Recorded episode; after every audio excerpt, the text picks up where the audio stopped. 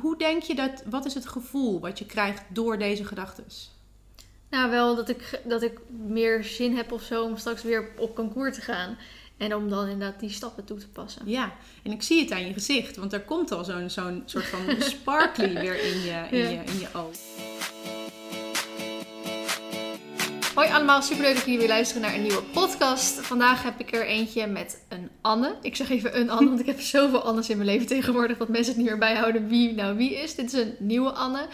Uh, Anne is sportpsycholoog en zij stuurde mij een paar weken geleden nu een berichtje. Daar gaan we het even straks op hebben. Maar Anne is ook uh, de eerste waarmee ik weer een podcast opneem. Uh, sinds een hele lange tijd, want ik heb eigenlijk in januari heb ik alle podcasts vooruitgewerkt en nu zijn ze op. en nu moet ik weer een hele opnieuw vooruit gaan werken. Um, en Anne is eigenlijk de eerste daarmee. En nou, zoals ik vertelde, Anne is sportpsycholoog en ze had mij een berichtje gestuurd Um, daar komen we zo even op. Mag je zelf even uitleggen waarom je dat bericht stuurde. Maar dat vond ik wel heel interessant. Want ik heb uh, vorig jaar toen aan het einde van seizoen 1 heb ik een uh, lijstje voor mezelf opgesteld met zowel mensen die ik interessant vond voor seizoen 2, maar ook eventuele beroepen die ik interessant vond. En daar stond ook sportpsycholoog op. Dus dat sloot eigenlijk wel heel erg mooi aan. Dus Anne, wil jij jezelf even voorstellen? Ja, zeker. Nou, leuk dat we, dat we hier zijn. Ik ehm, ben dus inderdaad uh, sportpsycholoog en ik help ambitieuze wedstrijdruiters, ook wel uh, recreatieruiters, maar iets meer nadruk op wedstrijdruiters.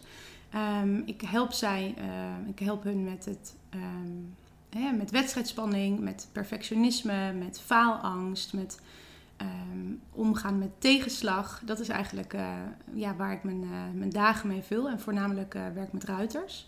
Dus het lijkt me eigenlijk heel erg leuk om, om het hier eens met jou over te hebben. Ja, en hoe kwam je bij mij?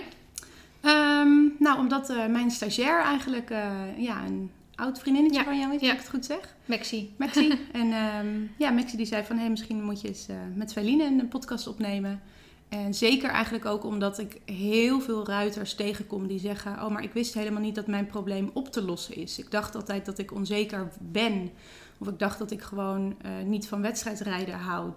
Terwijl hè, als je als, als meer ruiters zouden weten dat het niet nodig is om je zo ellendig te voelen voor een wedstrijd of voor hè, überhaupt om te gaan trainen als er mensen aan het kijken zijn. Of dat je heel ongemakkelijk voelt als, als de kantine vol zit. Ja, dat is toch. Dat, dat, ja, dat gaat zo ten koste van het plezier wat we hebben in de sport. Ja. En, um, en dat is eigenlijk iets waar ik heel graag, uh, ja, graag verandering in wil brengen.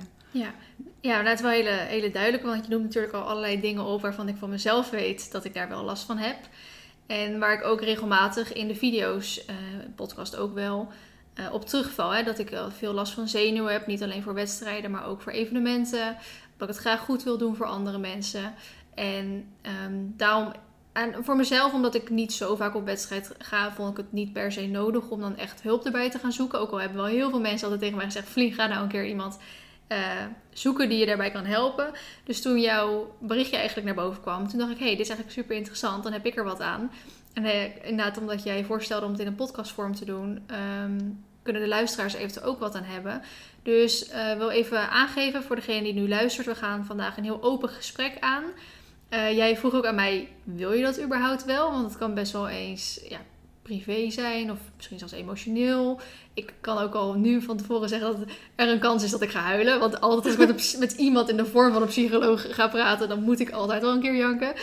Um, dus ja, dat leek me eigenlijk wel um, interessant dan om uh, te gaan doen. Ja, ja en wat, wat ik er heel interessant aan vind is dat hè, mensen zien vaak het probleem uh, paardgerelateerd. Hè, dus, dus, dus daar merken ze echt van, oh ik loop hier echt tegen problemen aan. Maar de grap is eigenlijk dat hoe je iets doet, is hoe je vaak alles doet.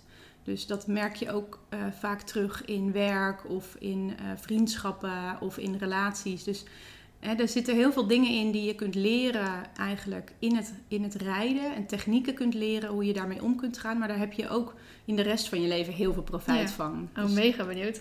ja, leuk. Nou, laten we gewoon ja. uh, beginnen. Ja. Oh, en, en, voor de mensen, uh, deze gaan we dus inderdaad over uh, mij hebben. Uh, maar mochten jullie dit super leuk vinden, dus de luisteraars, dan hadden we het idee om het eventueel nog een keer te gaan doen. Maar dat jij dan in ingestuurde vragen of problemen, zover dat mogelijk natuurlijk is, um, en, kon beantwoorden. En dat we wat meer eventueel op jouw beroep in konden gaan. Voor mensen die daar dus geïnteresseerd in zijn. Dus dan kunnen we dat eventueel nog in een andere podcast gaan opnemen. Ja, top. Ja, nou, ik denk dat, ehm, hè, want jij had ehm, al aangegeven dat je last had van uh, wedstrijdzenuwen. Of als je een uh, show moest geven. Of hè, als je ergens een evenement hebt, dat je echt wel heel erg zenuwachtig kan zijn. Ja, en dat is echt mijn meest uh, gestelde vraag. Dus ik denk dat dat echt een vraag is die voor heel veel mensen wel heel herkenbaar is. Ja. Dat heel veel mensen echt heel zenuwachtig zijn. En ik, ik spreek mensen, ik spreek ruiters en, en meiden die zeggen... ik moet s ochtends overgeven voordat ik wedstrijd heb, zo zenuwachtig ben Ja. ik. Ik heb nog nooit echt overgegeven, maar ik heb wel echt een paar keer gekokkelst hoor. Ja, precies. En, eh, en dat is zo zonde, want het haalt zo het plezier ervan af. Ja. Dus ehm, laten we inderdaad ehm, dan vandaag mooi eh, inzoomen, echt heel specifiek op dit probleem. En ik denk dat daar, er zitten altijd andere dingen onder. En daar gaan we, ja, gaan we naar op zoek eigenlijk. Hè, van wat, wat maakt nou dat je zo zenuwachtig bent? Want ehm, als je gaat uh, googlen bijvoorbeeld op oplossingen voor uh, zenuwen... kom je heel vaak uit op um, ademhalingsoefeningen... of jezelf vertellen dat het allemaal wel meevalt, dat je niet zenuwachtig hoeft te zijn... Maar in die end, op de dag van de wedstrijd, werkt dat helemaal Nee. niet. Dat werkt gewoon echt helemaal niet. Mhm. En ehm, voor mij is het ehm, altijd de kunst om te kijken naar wat maakt nou dat je zo eh, zenuwachtig bent en waarom, waarom is het zo belangrijk voor je. Ja. Dus ehm, Ja, oké. Nou, super Ja. benieuwd. ja, nou dus laten we dan eens even inzoomen op, ehm, op een wedstrijddag van jou. Dus op Mhm. een moment dat je eh, heel veel druk voelt. Ehm, hè, voor een wedstrijd, maar ik kan me voorstellen dat het ook voor jou in je werk ook echt wel terug kan komen. Ja. Hoe ziet dat eruit bij jou? Hoe voel je je? Wat denk je? Wat gebeurt er? Nou, dan neem ik even ehm, een oefenkos eh, in mijn hoofd. Tenminste, ik heb het bij alles, zeg maar bij wedstrijden, bij oefeningen, bij, bij lessen heb ik het eigenlijk nooit. Ehm, bij evenementen natuurlijk heel veel, maar eh degene waar, die me altijd nog het meeste bijblijven waren de oefen indoor crossen. Bij Stal Jacobs was dat altijd. En dat was eigenlijk, eh, voornamelijk was dat dan omdat je dan een nou, indoor cross hebt. Nou, je weet al hoe vaak een cross normaal gesproken is, maar dat is meestal één nou, rechte lijn met een paar bochten.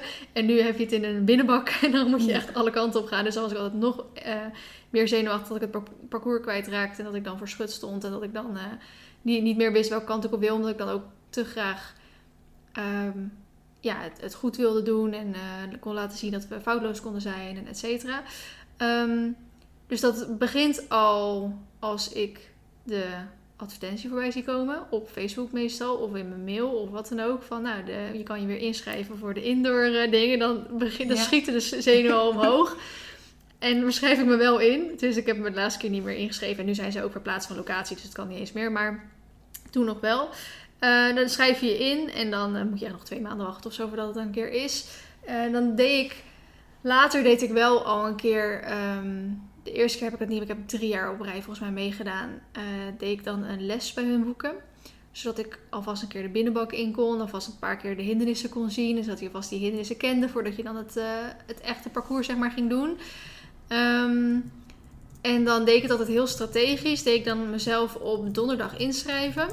Want op zaterdagavond was finale. Dus dan denk ik, ja, dan, als ik op zaterdagochtend bijvoorbeeld zou rijden, dan moet, ik, eh, moet hij eigenlijk twee keer op een dag. Hè? Als je finale zou moeten, dan vind ik dat niet echt helemaal eerlijk.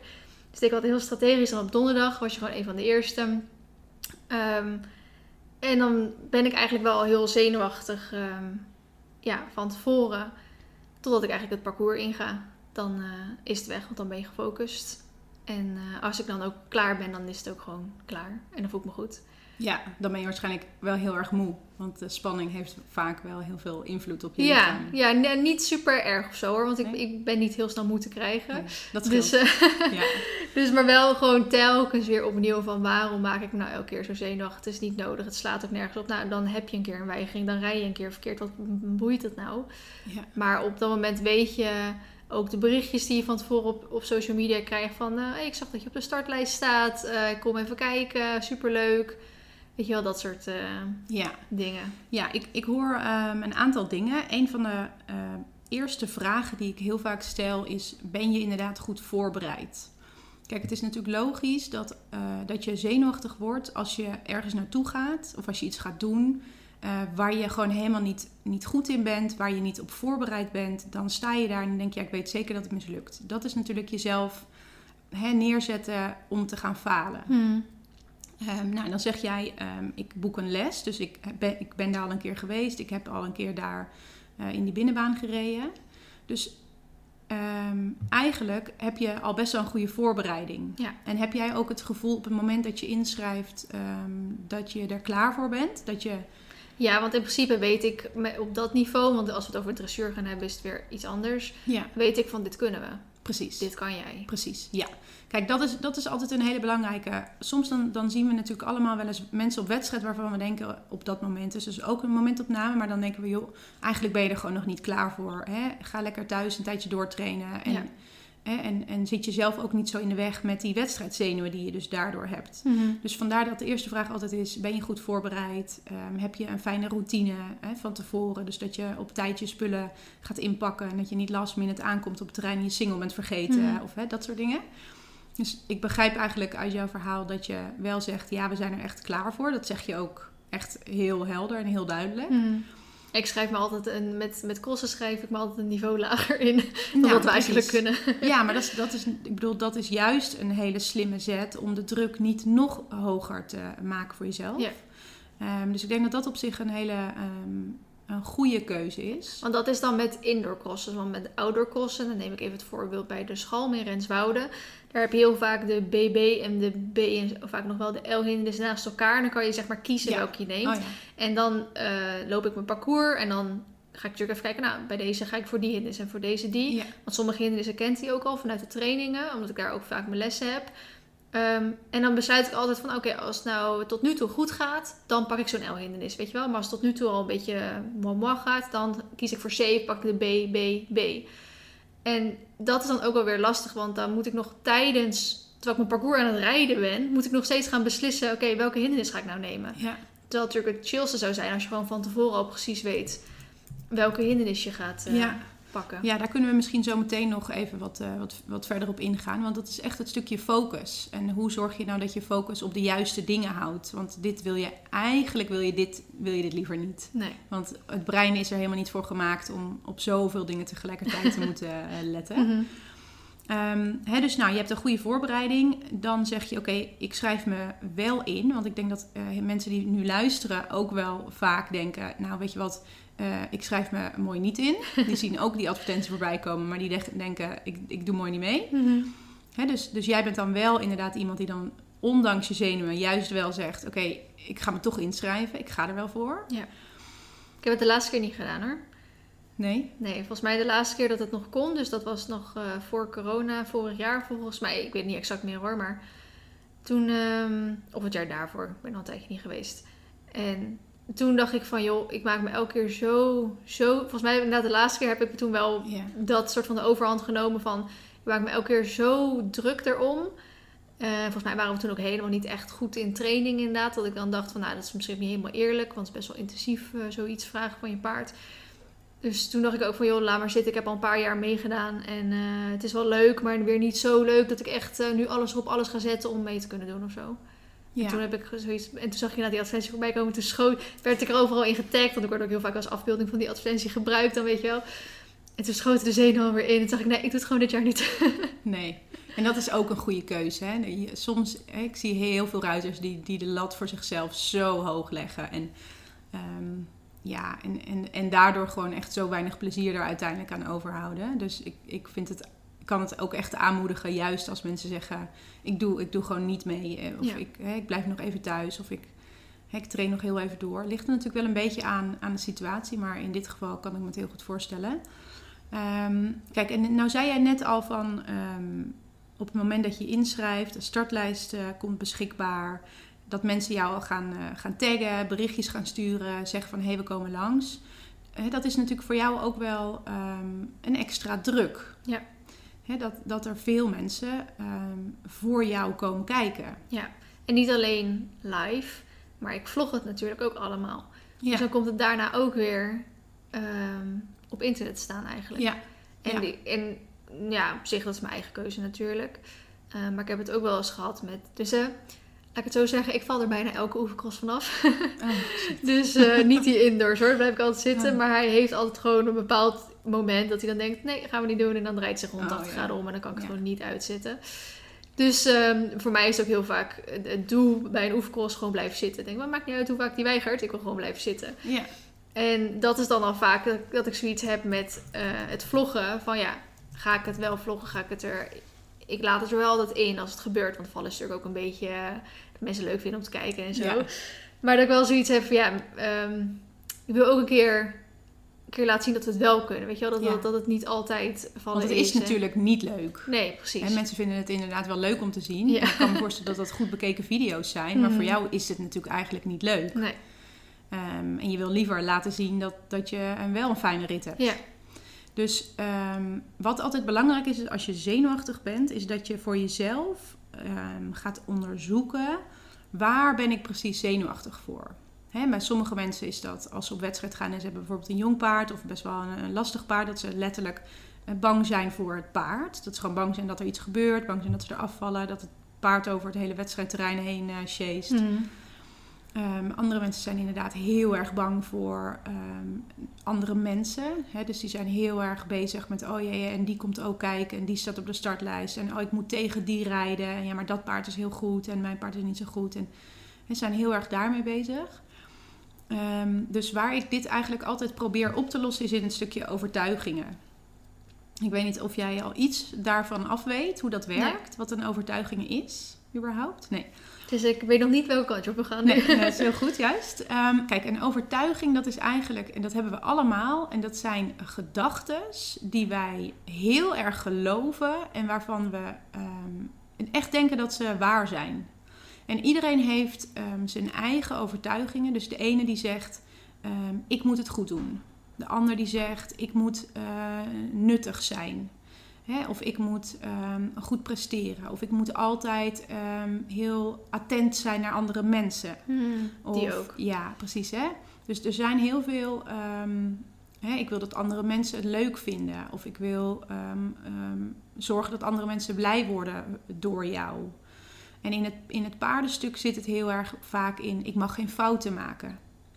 Of. ehm, Nou, ik vind die van wat je zegt, van attent zijn ook wel. Want ehm, zeker op de wat grotere wedstrijdlocaties, dan gebeurt het ook best wel vaak dat ik in mijn concentratie zit, dat ik aan het opzadelen ben, dat ik aan het losrijden ben. Dan komt iemand toe, mag ik met je op de Ja. foto? ja. En dan denk ik, ja, nu even niet, want Ja. ik ben bezig. Maar dat wil je eigenlijk niet tegen zo iemand op dat moment zeggen.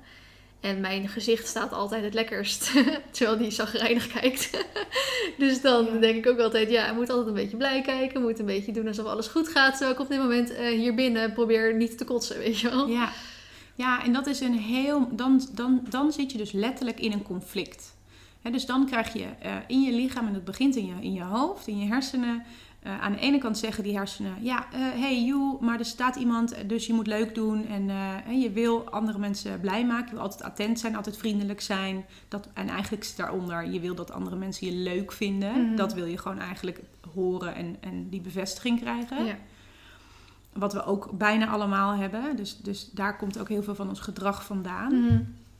Ehm, en tegelijkertijd probeer je te focussen op de voorbereiding voor je wedstrijd. En die twee dingen die gaan gewoon niet zo goed samen. Mhm.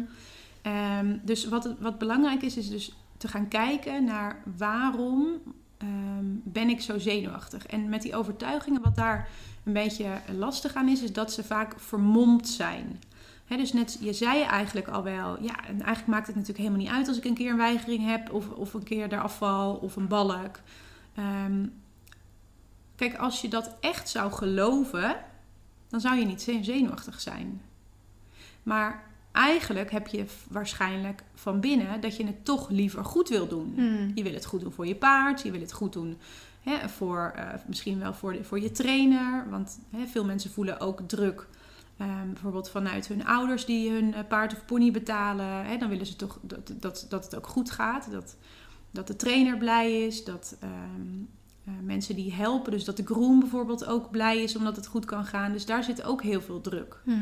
Ehm, en wat er gebeurt met die, met die overtuigingen, want daar begin, dat lijkt nu een beetje saai hoor. Zometeen wordt dat wel, dan ga je het beter snappen van, Mhm. oh ja, dat is een cirkeltje. Hoe je ehm, overtuigingen uiteindelijk bepalen of je succesvol bent of niet. Of het goed gaat, of je dingen aandurft, of je stappen durft te zetten, of je eh, keuzes voor jezelf durft te maken, of je ehm, ja, eigenlijk ook hoe gelukkig je uiteindelijk wordt met jezelf. En ehm, hè, dus als we nou de overtuiging nemen, ehm, kun je, kun jij, heb jij een, al een beetje een idee, zeg maar, welke overtuigingen er bij jou onder zouden kunnen zitten? Nou, meerdere eigenlijk. Ja, roep maar eens wat. Ja. nou ja, uh, dat wat ik net zeg, uh, attent zijn tegen iedereen. Ja. Ehm, ik heb dat dan niet zo dat ik bepaalde mensen tevreden of zo, uh, hè, voor mijn ouders of mijn trainer, dat hoef ik allemaal niet te doen. Maar wel misschien voor de kijker juist. Ja. Dan denk ik, ja, dan wil ik aan kunnen tonen Zeker. dat dat zo is. Um, welke waren er nog meer? Ja, dus eigenlijk zeg je, um, ik wil um, aan mijn volgers laten zien uh, dat het best wel goed gaat, dat ik het best wel kan. Um, zo voelt het wel, maar als je hem zo uitspreekt, dan voelt het het ook weer niet zo. Ja, en dit is precies wat ik bedoel met uh, ze zijn soms een beetje vermomd. Dus ja. daarom is het heel belangrijk dat. Kijk, ik kan ze niet bepalen voor jou, omdat ze bij jou weer net, net anders kunnen zijn. Mm -hmm. He, dus als je ze dan uiteindelijk in je eigen woorden uh, kunt omschrijven, dan voel je wel van, oh ja, dit heb ik echt. Wat je eigenlijk net had met dat, uh, toen ik dat uitsprak over die uh, mensen die attent willen zijn. Mm. Toen zag ik aan je gezicht, toen, toen zag ik aan alles van, oh ja, dit, dit herkent ze. Yeah. Ja. Dus um, hè, waar, um, waar, waar zou er nog meer iets kunnen zitten? Op het stukje presteren bijvoorbeeld. Um, nou ja, dat ik niet... Met, met, uh, met cross is het dan nou, dat ik er niet vanaf wil vallen. Maar dat heeft er niet zoveel mee te maken. Maar dat is inderdaad meer voor, voor de video en zo. Um, maar met dressuur bijvoorbeeld is het... Omdat ik dan toch best wel vaak eigenlijk een slechte voorbereiding heb. Zeker omdat we nu op een hoog niveau komen.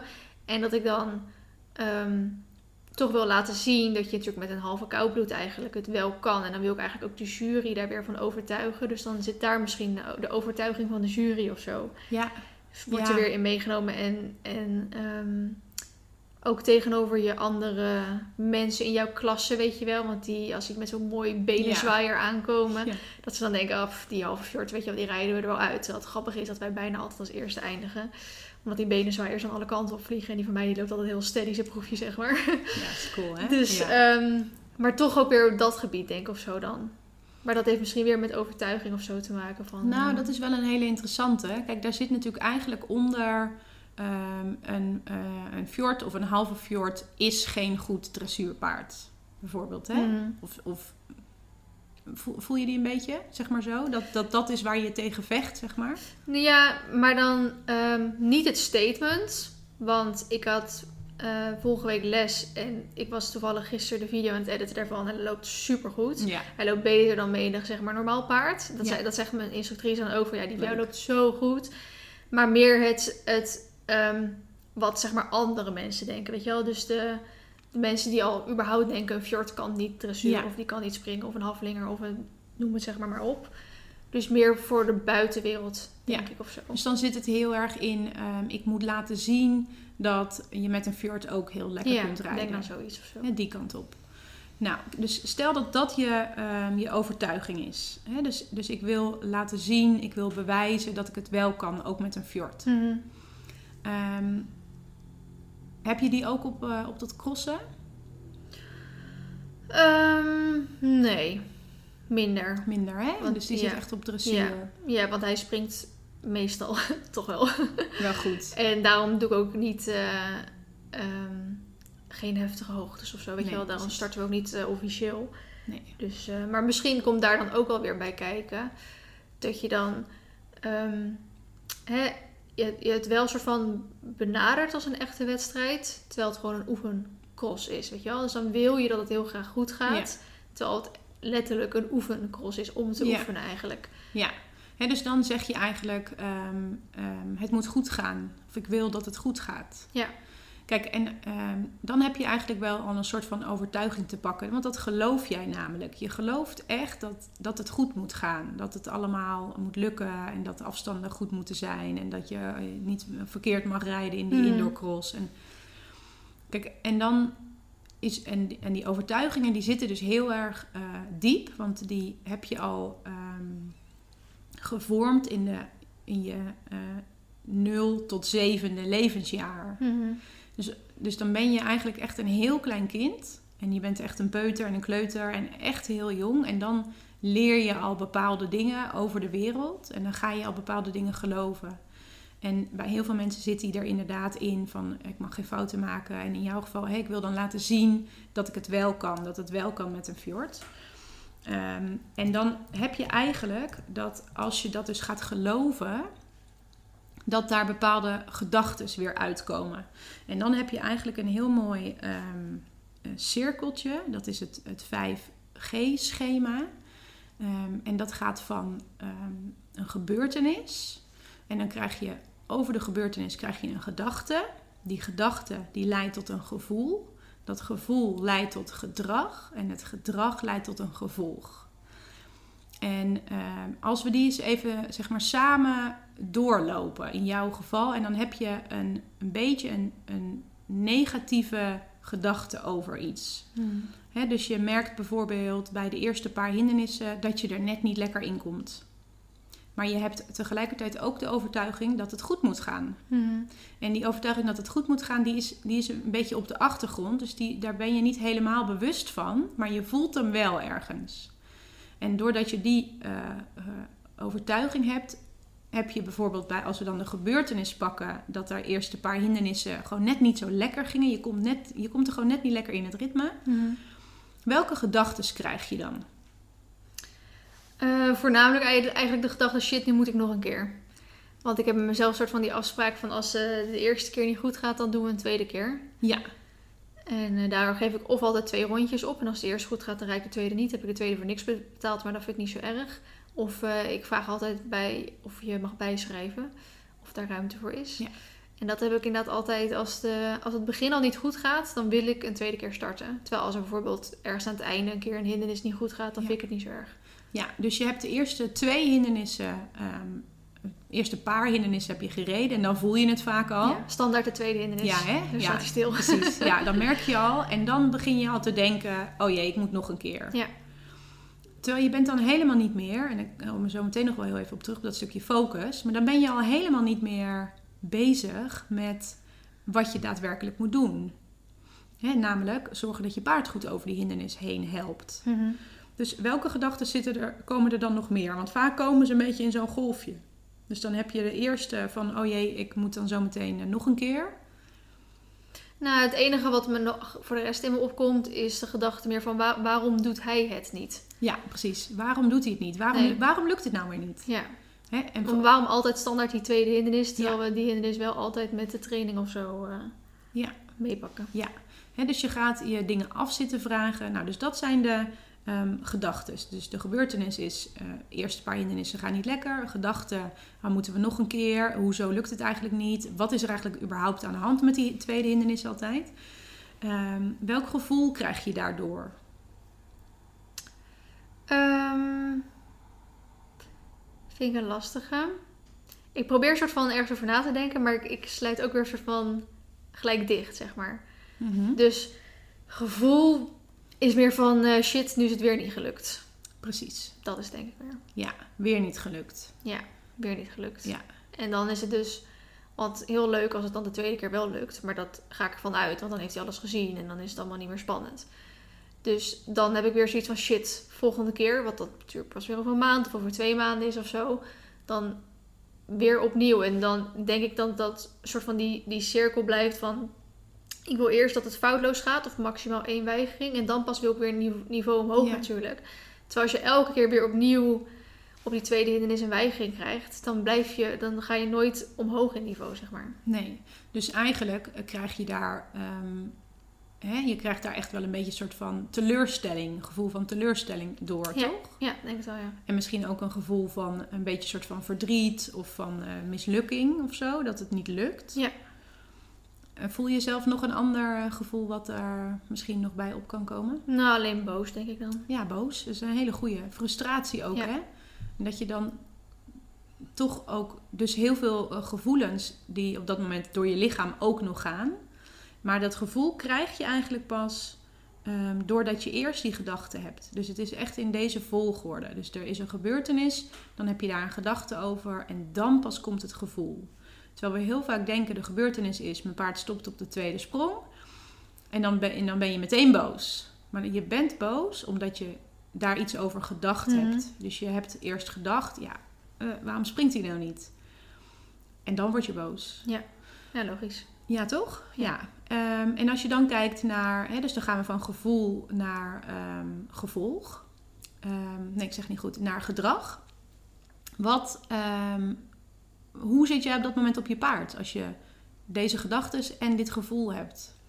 Nou, dat wisselt wel. De ene keer als, ik, als het echt een hindernis is waarvan ik denk, dit slaat helemaal nergens op dat je dit nu doet, dan wil ik hem ook echt wel eens een tik geven, want dan denk ik van dit slaat gewoon echt nergens op.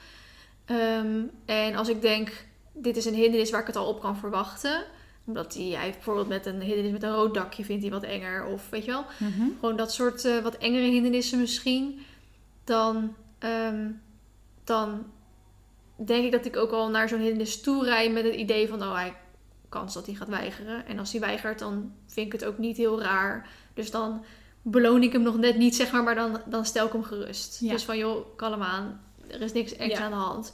En dan zet ik hem even ervoor en dan even wel een keer aan van, kom op, hup. En dan opnieuw aanrijden.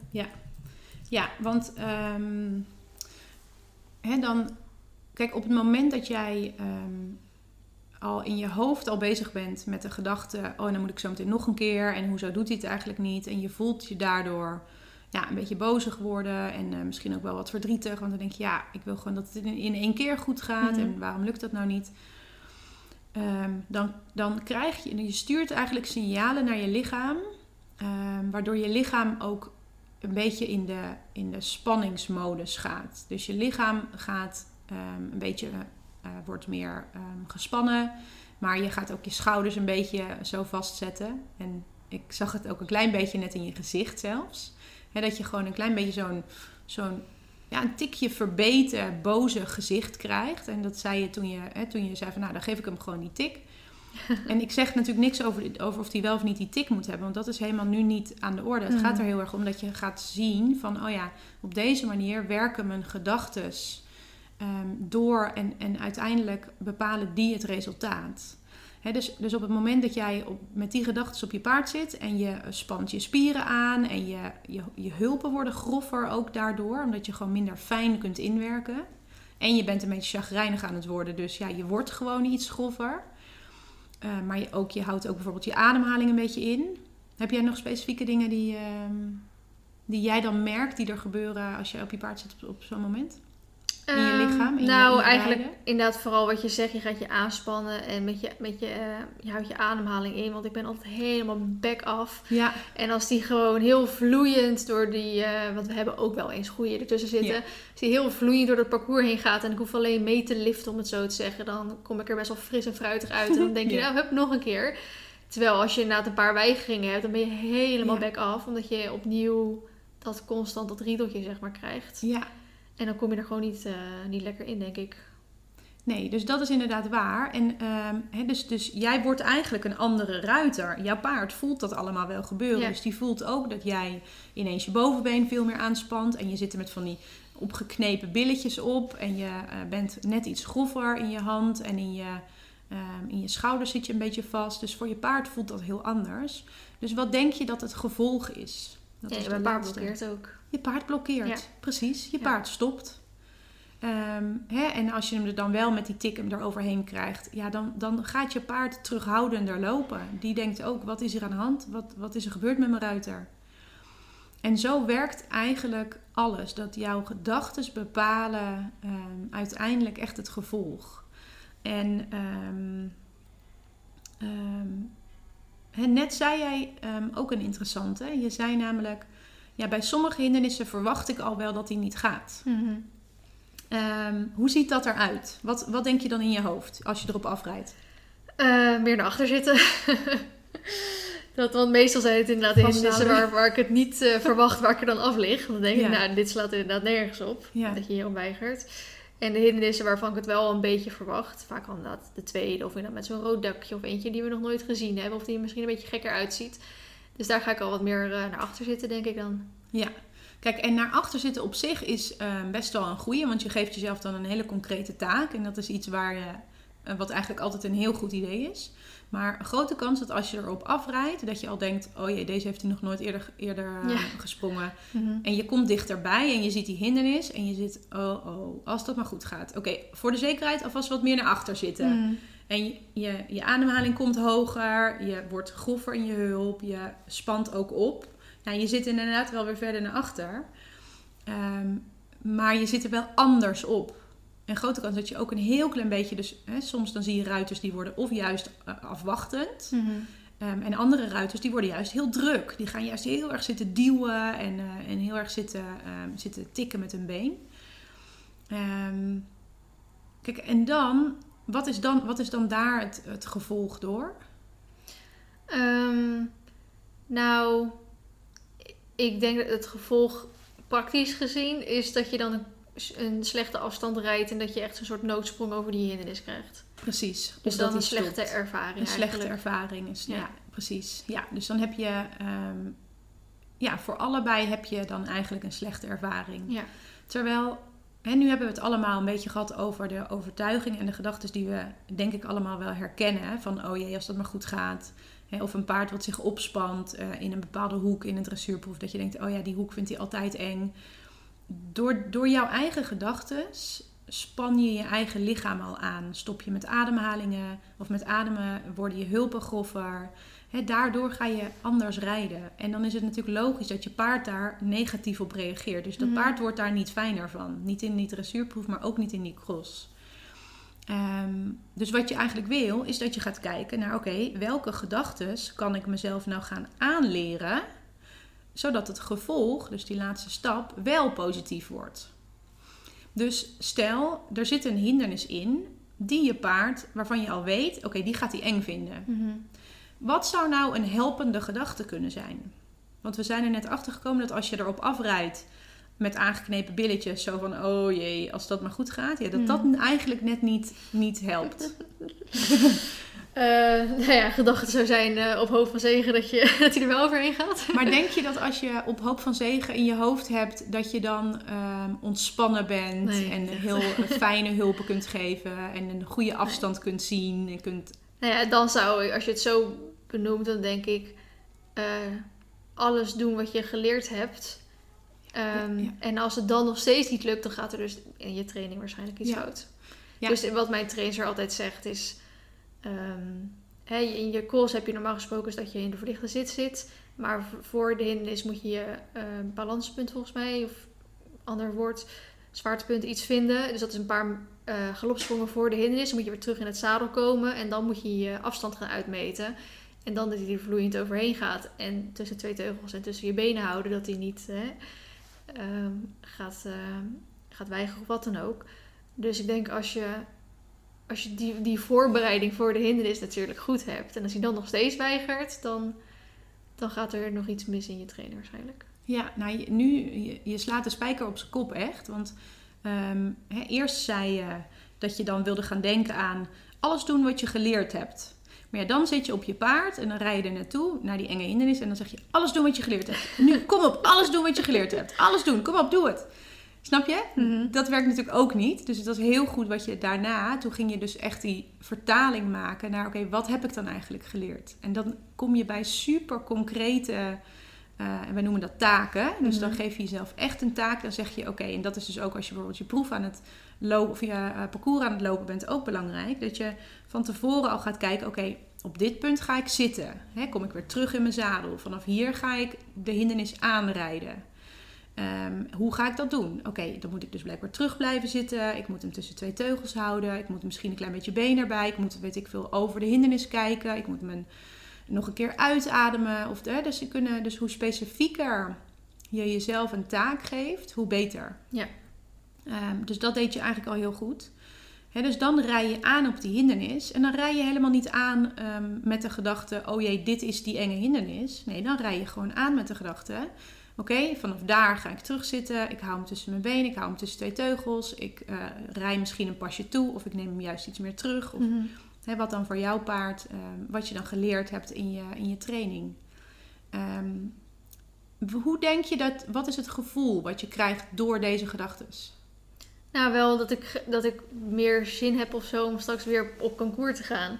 En om dan inderdaad die stappen toe te passen. Ja, en ik zie het aan je gezicht, want er komt al zo'n zo'n soort van sparkly weer in je, in, Ja. je, in je oog. Ik zat al gelijk helemaal terwijl jij aan het praten bent na te denken. Oké, er is eind, eind april is er weer een oefencross. Eh, moet ik misschien even mijn trainster gaan appen van... Nou, volgende week even een springlesje en die week daarna even een privé eh, Ja. crosslesje. Dan ben ik goed voorbereid voor. Ja, Zo gingen mijn hersenen al gelijk. Ja. Nee, maar dat is, dat is wel, en dat is dus wel precies wat er gebeurt. Ook doordat je zo'n, het lijkt natuurlijk een beetje een saaie oefening, maar doordat je hem helemaal uit elkaar haalt, zie je dat op het moment dat je dus jezelf dus hele concrete taken geeft, dus instructies eigenlijk geeft, Mhm. bijna een beetje alsof je zelf les geeft, ehm, dat je een gevoel krijgt van ik heb er weer zin in. Of een gevoel van controle ook een beetje. Dat je denkt, oké, ik weet wat ik moet doen. Ik kan dit, ik heb dit geoefend. We gaan ervoor. En dus je krijgt weer een beetje meer zelfvertrouwen daardoor. Wat denk je dat het gevolg... eh, nee, wat denk je dat het gedrag daardoor is? Wat, hoe, zit jij, hoe ben jij voor je paard op dat moment? Welk gedrag laat jij zien? Tijdens de cross of Ja, tijdens dat de moment. weigering?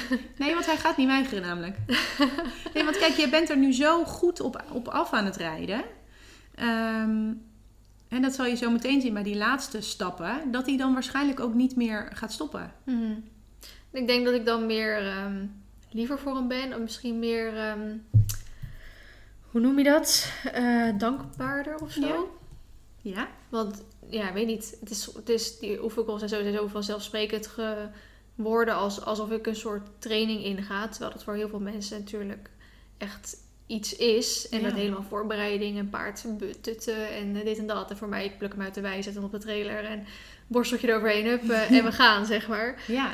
En ehm, ja, dat je er dan meer iets, iets van probeert te maken of zo. Ja, en misschien kom je er zelfs wel een beetje echt door in die flow. En misschien krijg je zelfs een beetje dat je denkt van... oh ja, ik zit er wel lekker in. Ik ben dankbaar dat ik hier mag rijden. Ik ben blij met mijn paard, hoe die het doet. Ehm, hè, dus dan krijg je weer een, een, ehm, een gevoel van, van positiviteit eigenlijk.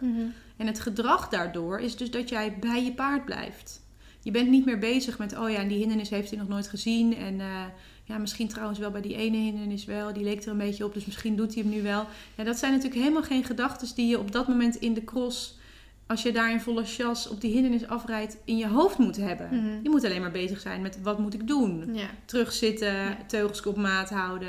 Ja. ja, officieel in de cross is natuurlijk ook... Het maakt geen zak uit wat je voor hem neerzet. Hij moet het gewoon springen. Ja, dat is, dat is uiteindelijk het idee natuurlijk. Ja. Maakt niet uit welke kleur, welke vorm. En Nee. hij Nee. moet gewoon springen. Ja, maar goed, dat is. ehm, dat, kijk, dat klinkt natuurlijk makkelijker, maar dat is ook, ook bij. Dat is ook bij heel veel paarden natuurlijk niet zo vanzelfsprekend. Mhm. Maar ehm, wat denk je dat het, ge- het eh, gevolg is van de, deze andere manier hoe jij dan aankomt rijden? Ehm, nou ja, dat ik soort van ehm, mijn beste voorbereiding heb gedaan. En hopen dat hij dan springt. En als dat dan niet zo is, nou dan weet je dat er eh, nog verbetering te halen valt. Ja, en dan kun je dus inderdaad nog specifieker gaan kijken in je training. Oké, wat moet ik nou nog specifieker doen? En dat zou dan bijvoorbeeld zijn, want in de training laat ik eigenlijk altijd eerst de hindernissen even aan hem zien.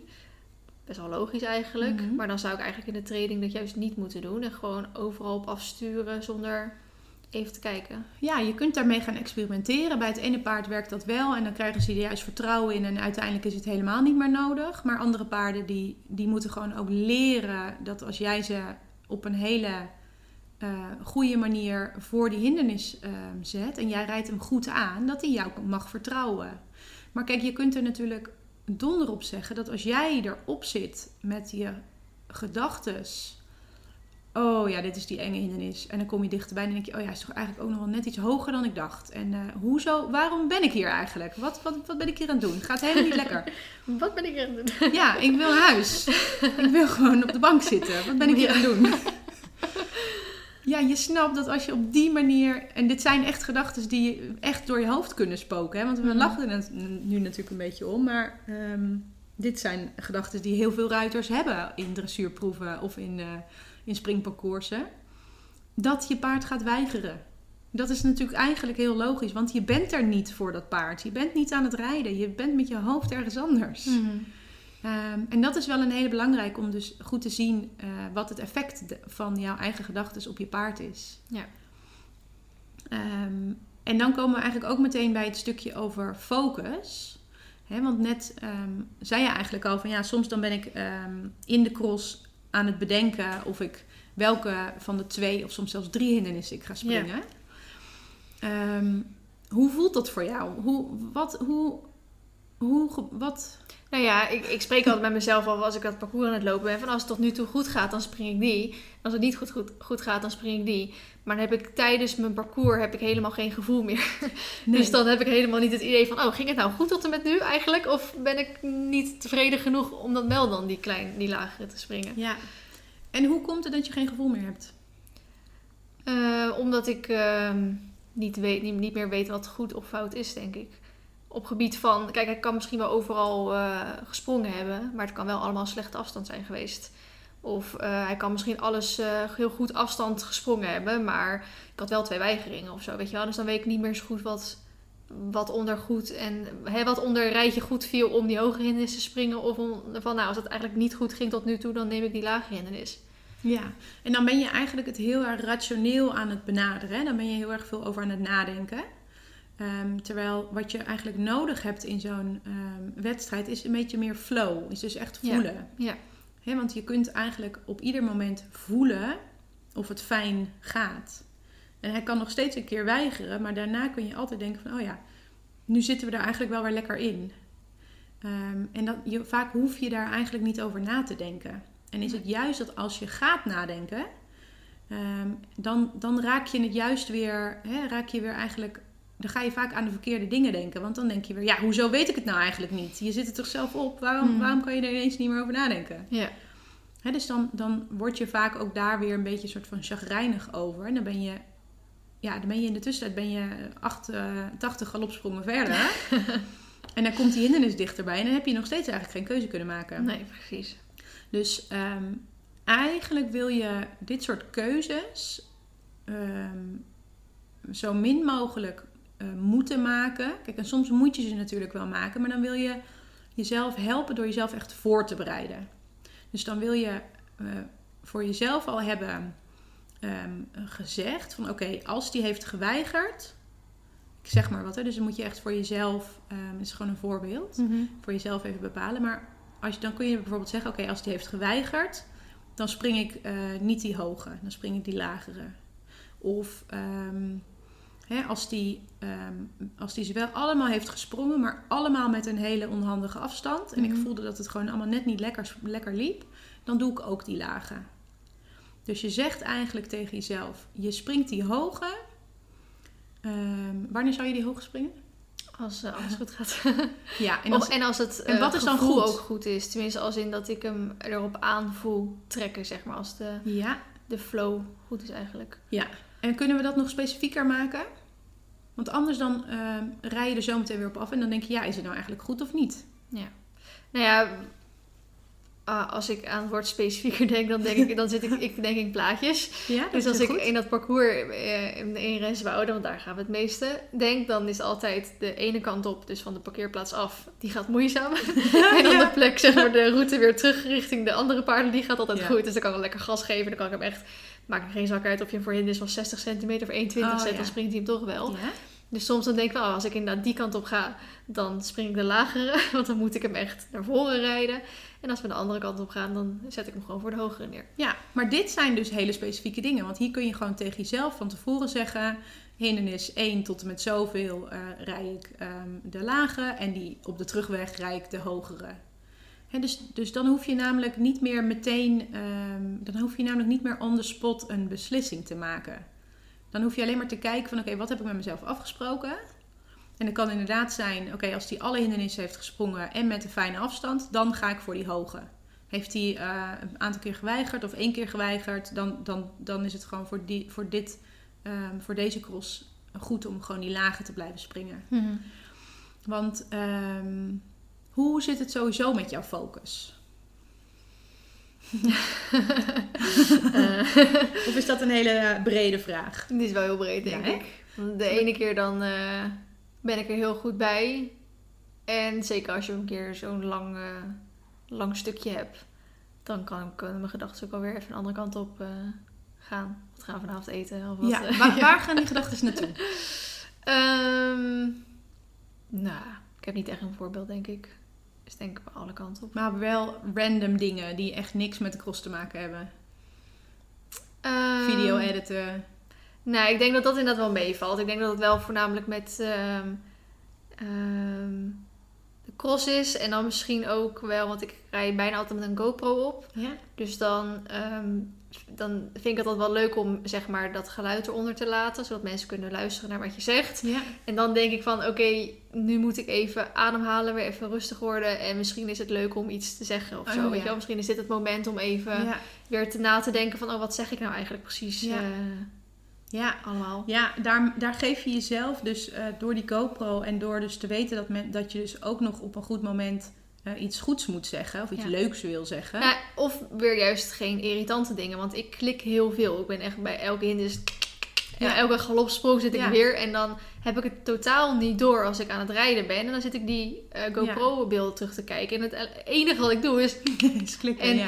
Dan krijg ik daar natuurlijk ook reacties op. En de ene is gewoon van, nou, vrienden, vervelend. En de andere is juist van, eh, let erop, eh bla bla.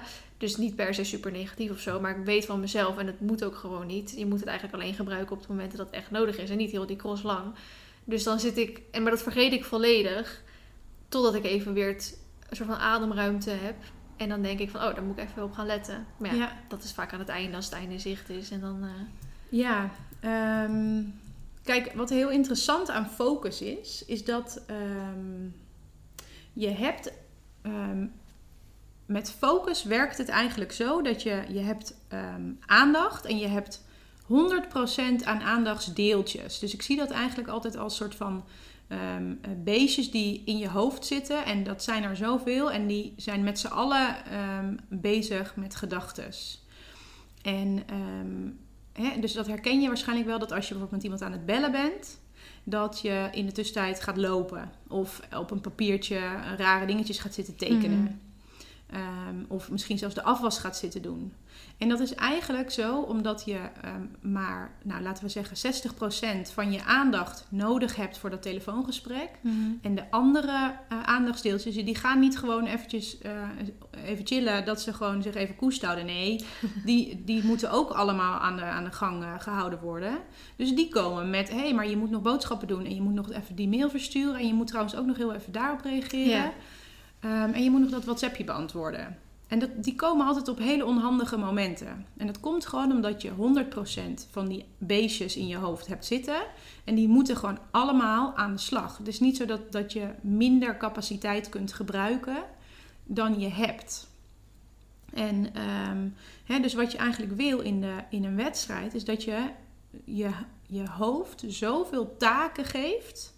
Dat al die beesten daarmee bezig zijn in je Mhm. hoofd. Dus je hele, het, ieder stuk van je, van je brein wat daarvoor gemaakt is, moet je aan het werk zetten. En dat betekent dus dat je inderdaad zegt: ehm, Nou, hè, oké, wat moet ik doen? Ik moet hier terugzitten, ik moet hier gas geven, ik moet hier mijn binnenbeen, ik moet daar mijn buitenbeen, ik moet zo'n vol te draaien, ik moet hier gas geven, ik moet hier terugzitten, ik moet hier mijn been lang houden, ik moet hier Mhm. mijn binnenteugel los. Ik moet, dus hoe concreter je het kunt maken voor jezelf, hoe meer je je brein dus bezighoudt, zodat die 100% van die aandachtsdeeltjes bezig zijn met jouw taak. Maar krijg je dan niet juist stress dat je bang bent dat je dat gaat vergeten? Nou, nee, ja, soms wel inderdaad. Dus, dus hier heb je ook wel weer andere oefeningetjes voor, ehm, waardoor je dat een beetje eigen kunt maken. Dat doe je bijvoorbeeld met visualisatie heel erg, want dan kun je het eigenlijk al oefenen zonder dat je op je paard zit. Maar het helpt je eigenlijk heel erg, want ehm, kijk, je hebt het, kijk, je bent al voorbereid. Het is niet dat je iets voor het eerst gaat doen. Dus eigenlijk hoe je een bepaalde hindernis aanrijdt, dat is bijna altijd wel min of meer hetzelfde. Mhm. En per hindernis zijn er dan een aantal dingetjes die zijn dan anders. Dus als je bijvoorbeeld ehm, in een dressuurproef eh, moet wijken, ja, dat heb je thuis in je training heb je dat al honderd keer gedaan voordat je op wedstrijd gaat. Mhm. Dus op het moment dat je thuis in je training dit al gaat oefenen van oké, eh, afwenden op de, op de AC-lijn. Nou, eerst mijn paard recht houden, dan twee handen opzij. Met mijn binnenbeen druk ik hem door. Ik moet de buitenschouder begrenzen.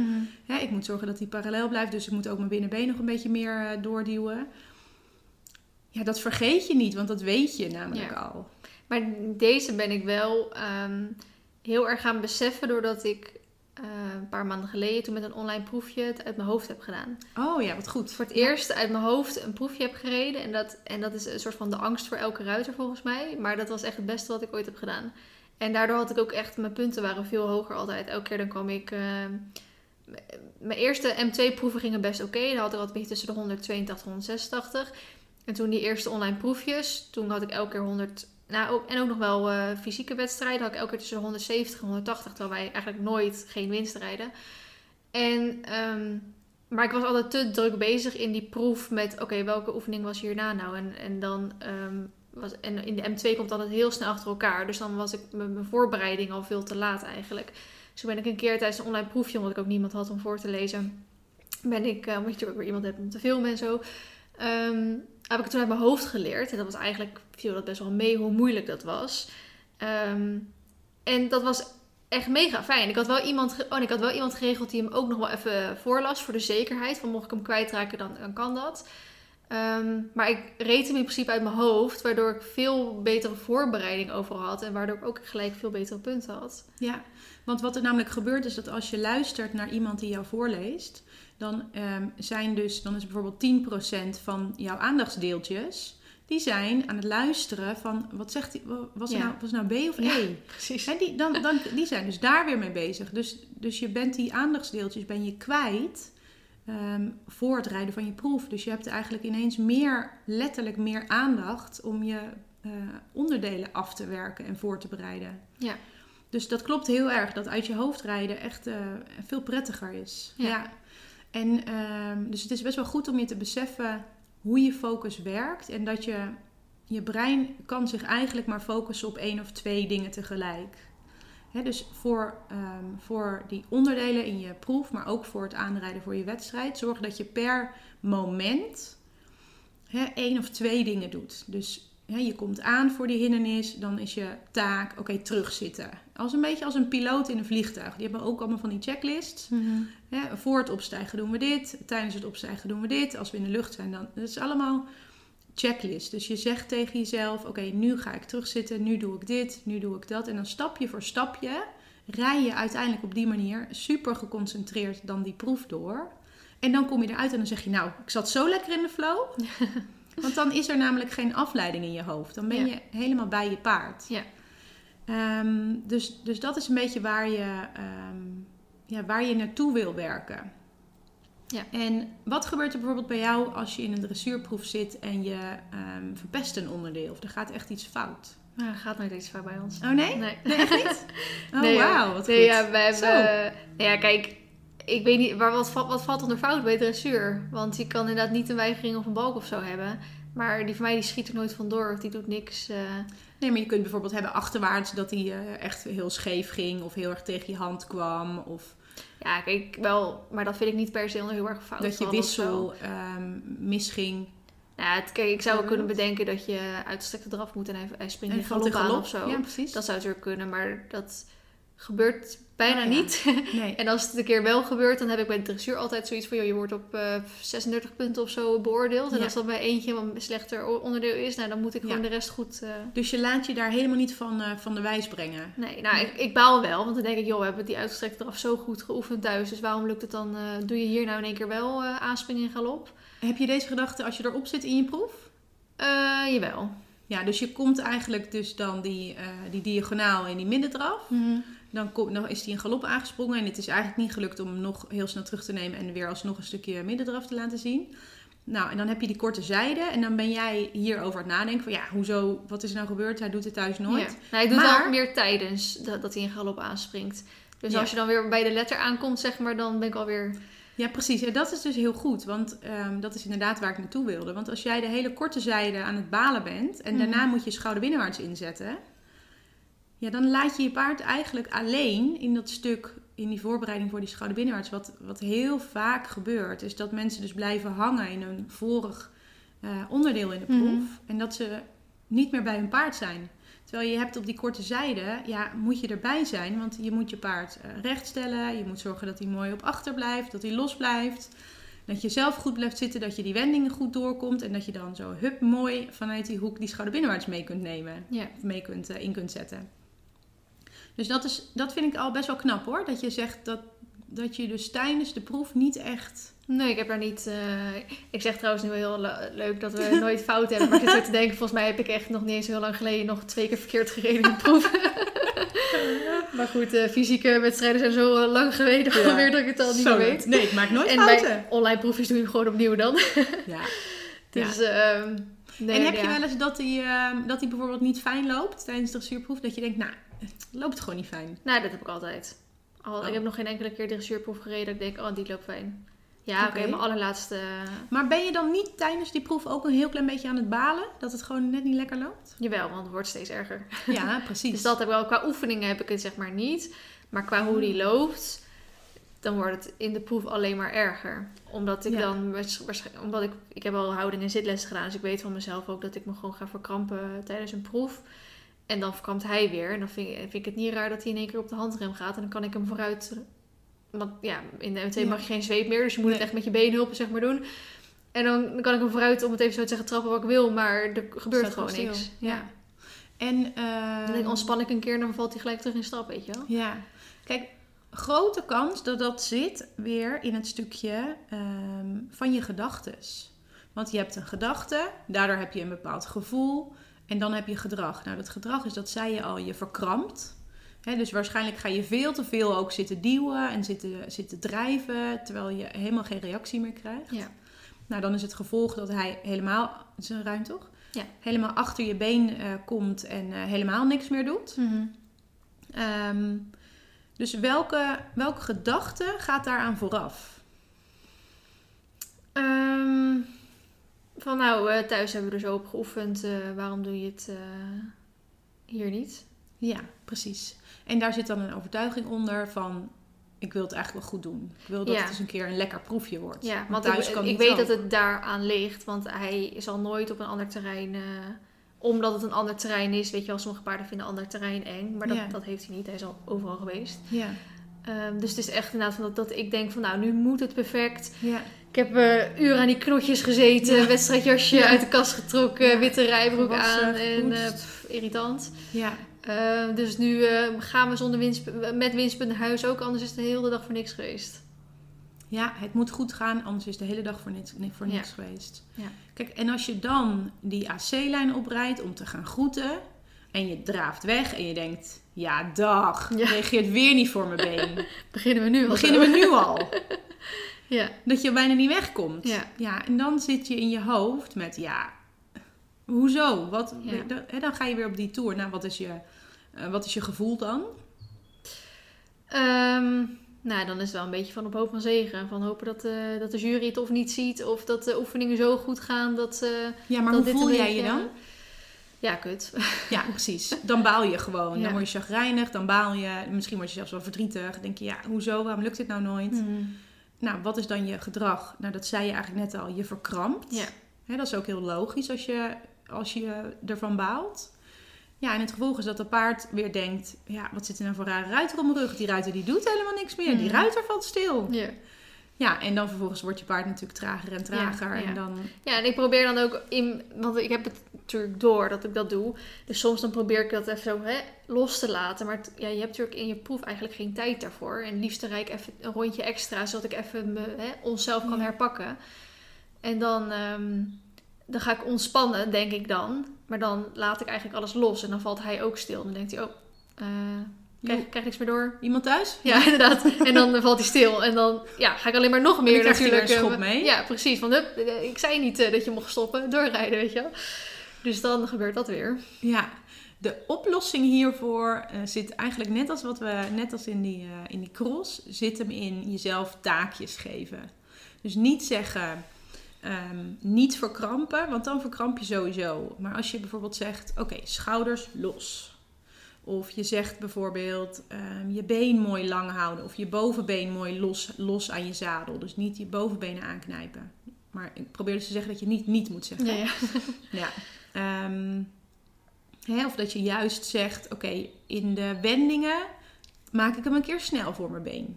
Hè, of dan juist in die, in die grijze gebieden. Ja. Hè, en daarin mag je hem nog een keertje scherp maken eh, voor je been. En dan zeg je, ja vriend, eh, we blijven wel mooi aan de, aan de gang.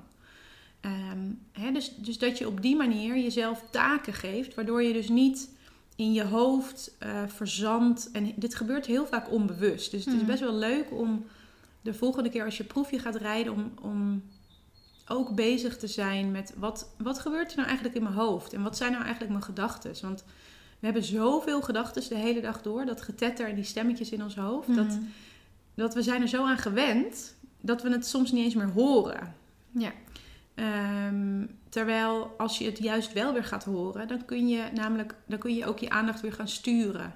Dan kun je zeggen tegen die stemmetjes: Ja, joh, jullie zijn even niet eh, heel erg eh, handig. Mhm. Laten we even met z'n allen zorgen dat ik een goede proef rijd. Wat moet ik doen? En dan zeggen ze weer: Oh ja, ja, ja, Feline, je moet nu dit doen. en je moet mooi terugzitten. En je moet je been erbij. Oh nee, je moet je been lang. En je moet je schouders los. Je moet ademen. Dan geef je jezelf gewoon hele concrete taken. Ja. En dat is echt een wondermiddel. Ja. En een andere tip daarvoor kan zijn om even je dressuurproef uit te printen. Ehm, en dan, of je protocol, zeg maar. En dan ga je dan zelf even één of twee aandachtspuntjes achter schrijven. Waar je voor die wedstrijd op gaat letten. En ja, ik weet het. Er zijn vaak tien dingen waar je aan moet denken per onderdeel. Ik heb niet genoeg ruimte. Nee, dat hebben we allemaal niet. Maar wat gebeurt er als jij twee konijnen tegelijkertijd gaat vangen?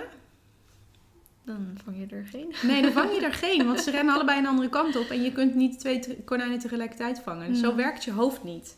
Dus je moet er echt voor zorgen dat je je hoofd een klein, één of twee hele specifieke taakjes geeft.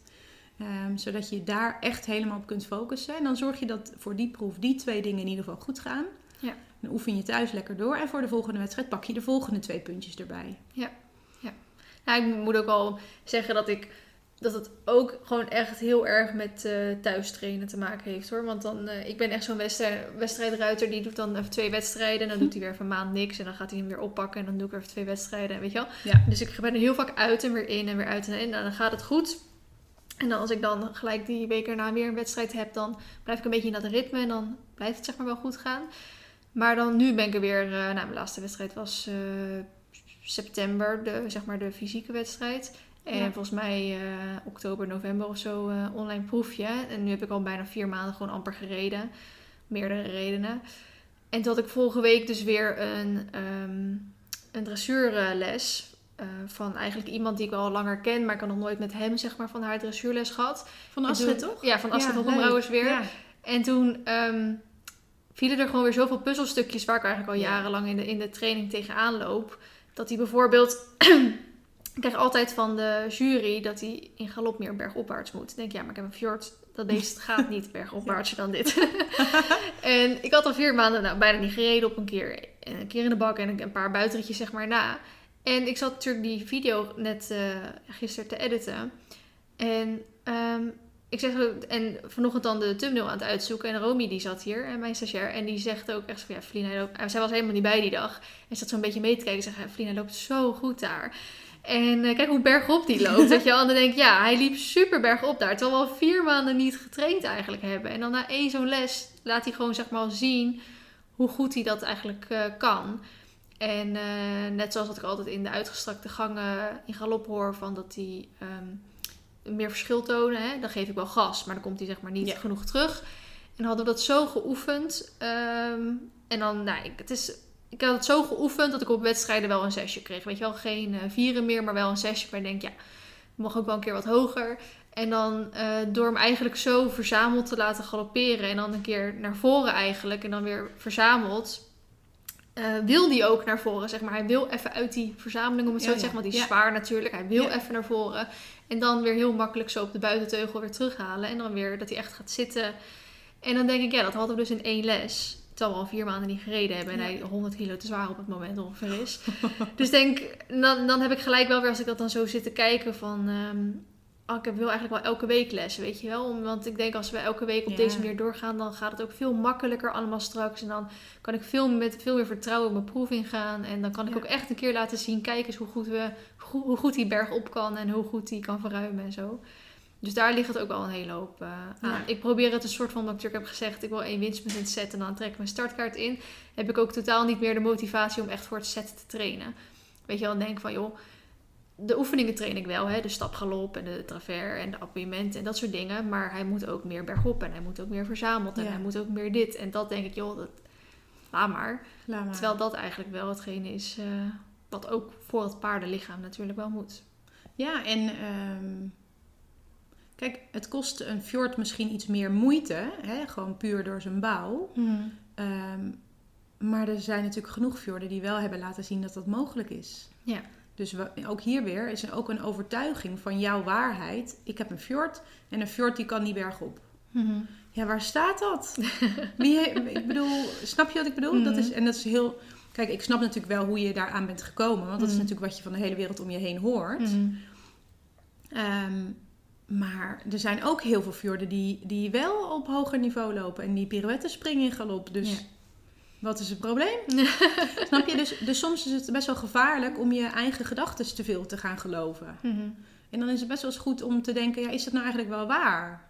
En, en je moet er inderdaad voor trainen. En dan komen we eigenlijk Ja. weer op dat allereerste stukje. Dat, hè, dat een van de eerste vragen die ik eh, stel ook heel vaak is, hoe is je voorbereiding? Kijk, tuurlijk gaat je dressuurproef niet goed als je er net niet lekker, hè, als je gewoon niet goed getraind hebt.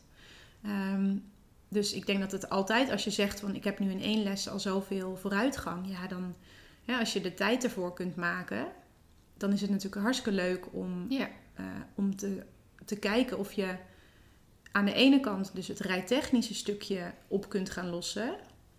En jezelf een aantal mentale eh, trucjes aan kunt leren. Ehm, hè, waardoor je dus nog beter eh, kunt concentreren. Waardoor je jezelf in de proef niet over allemaal gedachten bezig bent. Maar juist, ehm, juist jezelf taken kunt geven. Ja, ja. Hoi. ja, nee, dat is zo.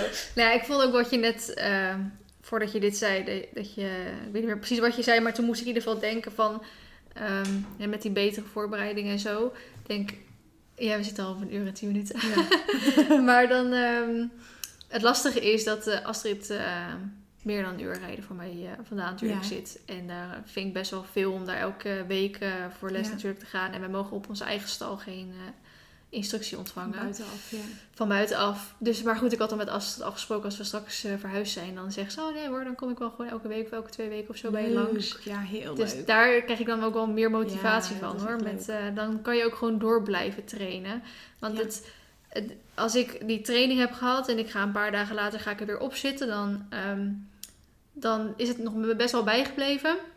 Maar dan voelt het ook in één keer veel makkelijker. En dan vraag ik me af, voelt het makkelijker omdat we dit nu voor de tweede keer herhalen? Dus gaat het ook makkelijker? Of laat ik toch wat steekjes vallen, waardoor Ja. ik denk dat het makkelijker is, terwijl ik eigenlijk eh, het niet goed doe Ja. zoals het zeg maar hoort. En zit ik die video terug te kijken. Want dat is dan mijn geluk, dat ik eigenlijk altijd bijna alles wel film. En daar leer je natuurlijk ook weer heel veel van. Dan Ja. zie je het ook allemaal weer voorbij komen. Ehm, maar de valkuil is, is dat je dan pas weer over een maand of zo gaat trainen. Of misschien zelfs pas later. En eigenlijk ben je dan weer volledig in je ou- oude eh, ritme of oude trainingstechniek gerold. Omdat je eigenlijk gewoon elke week erop gehamerd moet hebben om het Ja. zo en zo te doen. Ja, en zeker op dat niveau. Ja, Ja, dat is ook zo. dus nou goed, dus daar ehm, heb ik dan wel weer motivatie in om dat eh, te gaan doen. Ja, dat is leuk. Kijk, en, ehm, en als je zegt van oké, het is thuis, ehm, nou, laten we zeggen voor 80% goed.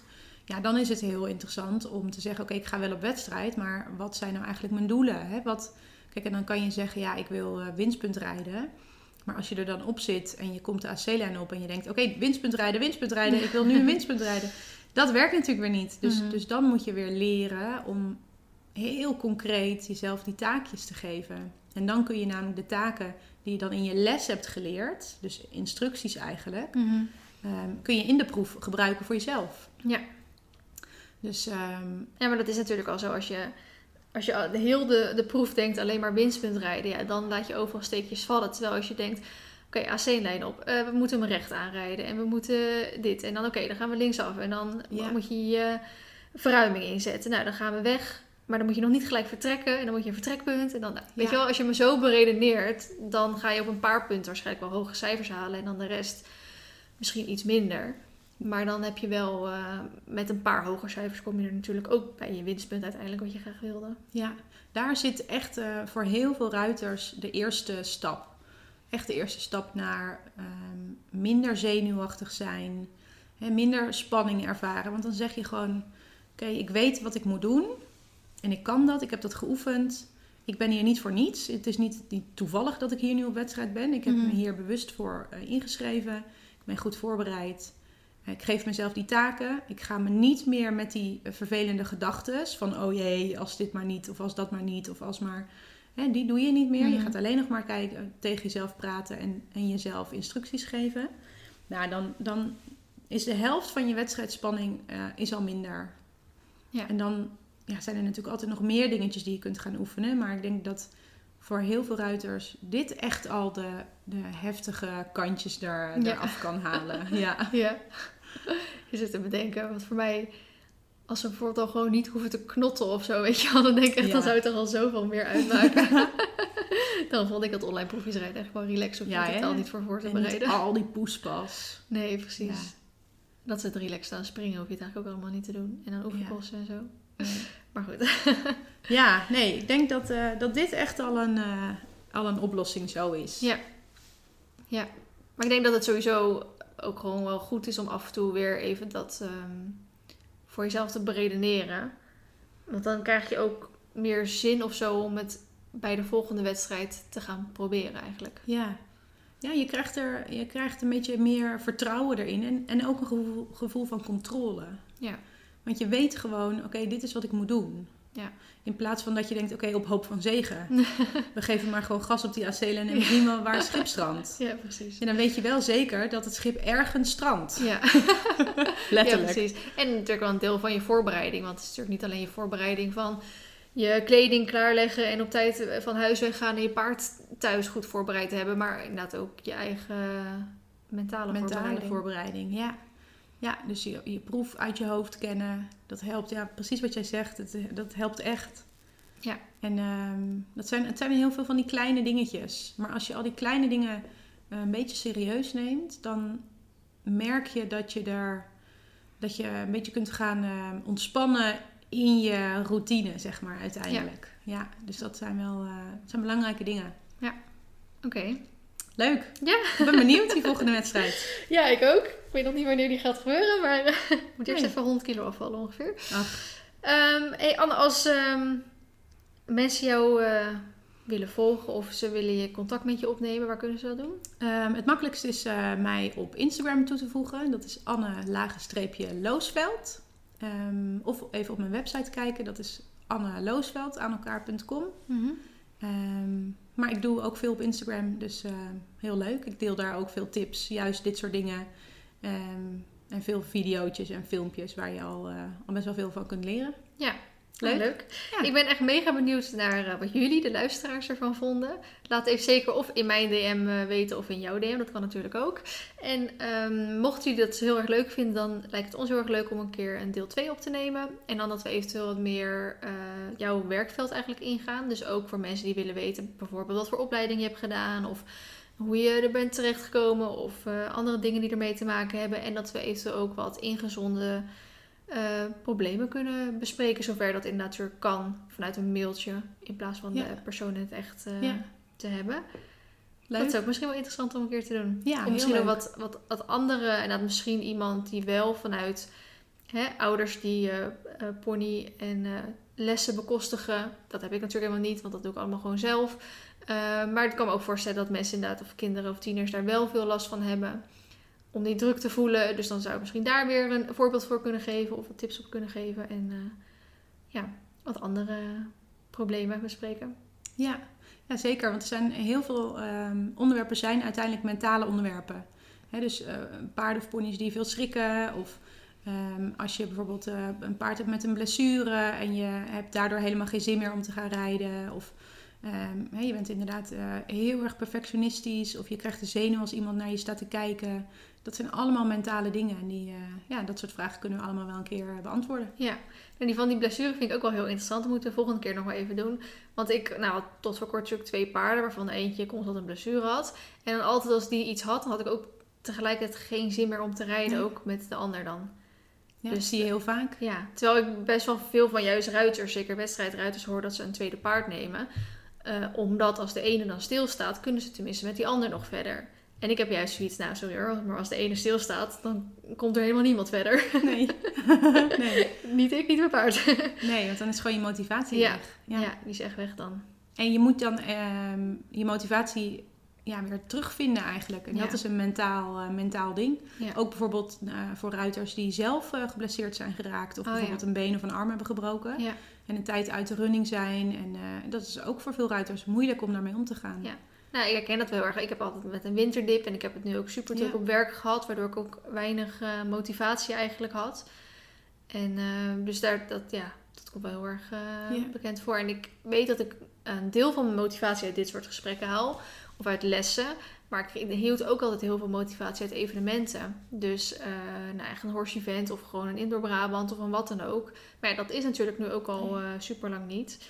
Dus ik snap het ook wel vanuit wedstrijdruiters dat ze echt geen motivatie op dit moment hebben. Nu ben ik geen wedstrijdruiters, maar ik snap wel hoe erg ik het al heb. Laat staan hoe Ja. erg zij het kunnen hebben. Ja. Dus dat is wel heel interessant om dan nog even Ja. over te hebben. Heel veel ruiters eh, hebben, ja, herkennen dit soort problemen. Echt heel veel ruiters. Ja. Ja. Dus eh, we zien jullie vragen graag tegemoet. Yes, nou super bedankt. Jij natuurlijk voor eh, dat je hier wilde zijn. en de luisteraars voor het luisteren. Eh, stuur dus ons zeker even een berichtje. En mocht de tijd rijp zijn dat wij een tweede podcast gaan opnemen, dan zullen we vanzelf even aankondigen dat we dat gaan doen. Zodat we ook even een ruimte, of dat nou in de DM met een vraagsticker is of via het mailadres dat we voor deze podcast gebruiken, dat je daar dan de mailtjes naartoe kan sturen. Dus wacht dat even geduldig af tot ik daar een oproepje over plaats. Want anders, als we dit pas over twee maanden doen, dan is het zonde als dat eh, mailtje ondertussen helemaal weggesneeuwd is onder de rest. Eh, dus wacht even geduldig op. Eh, bedankt voor het luisteren. En dan spreek ik jullie de volgende keer weer. Oké, doeg! Doei!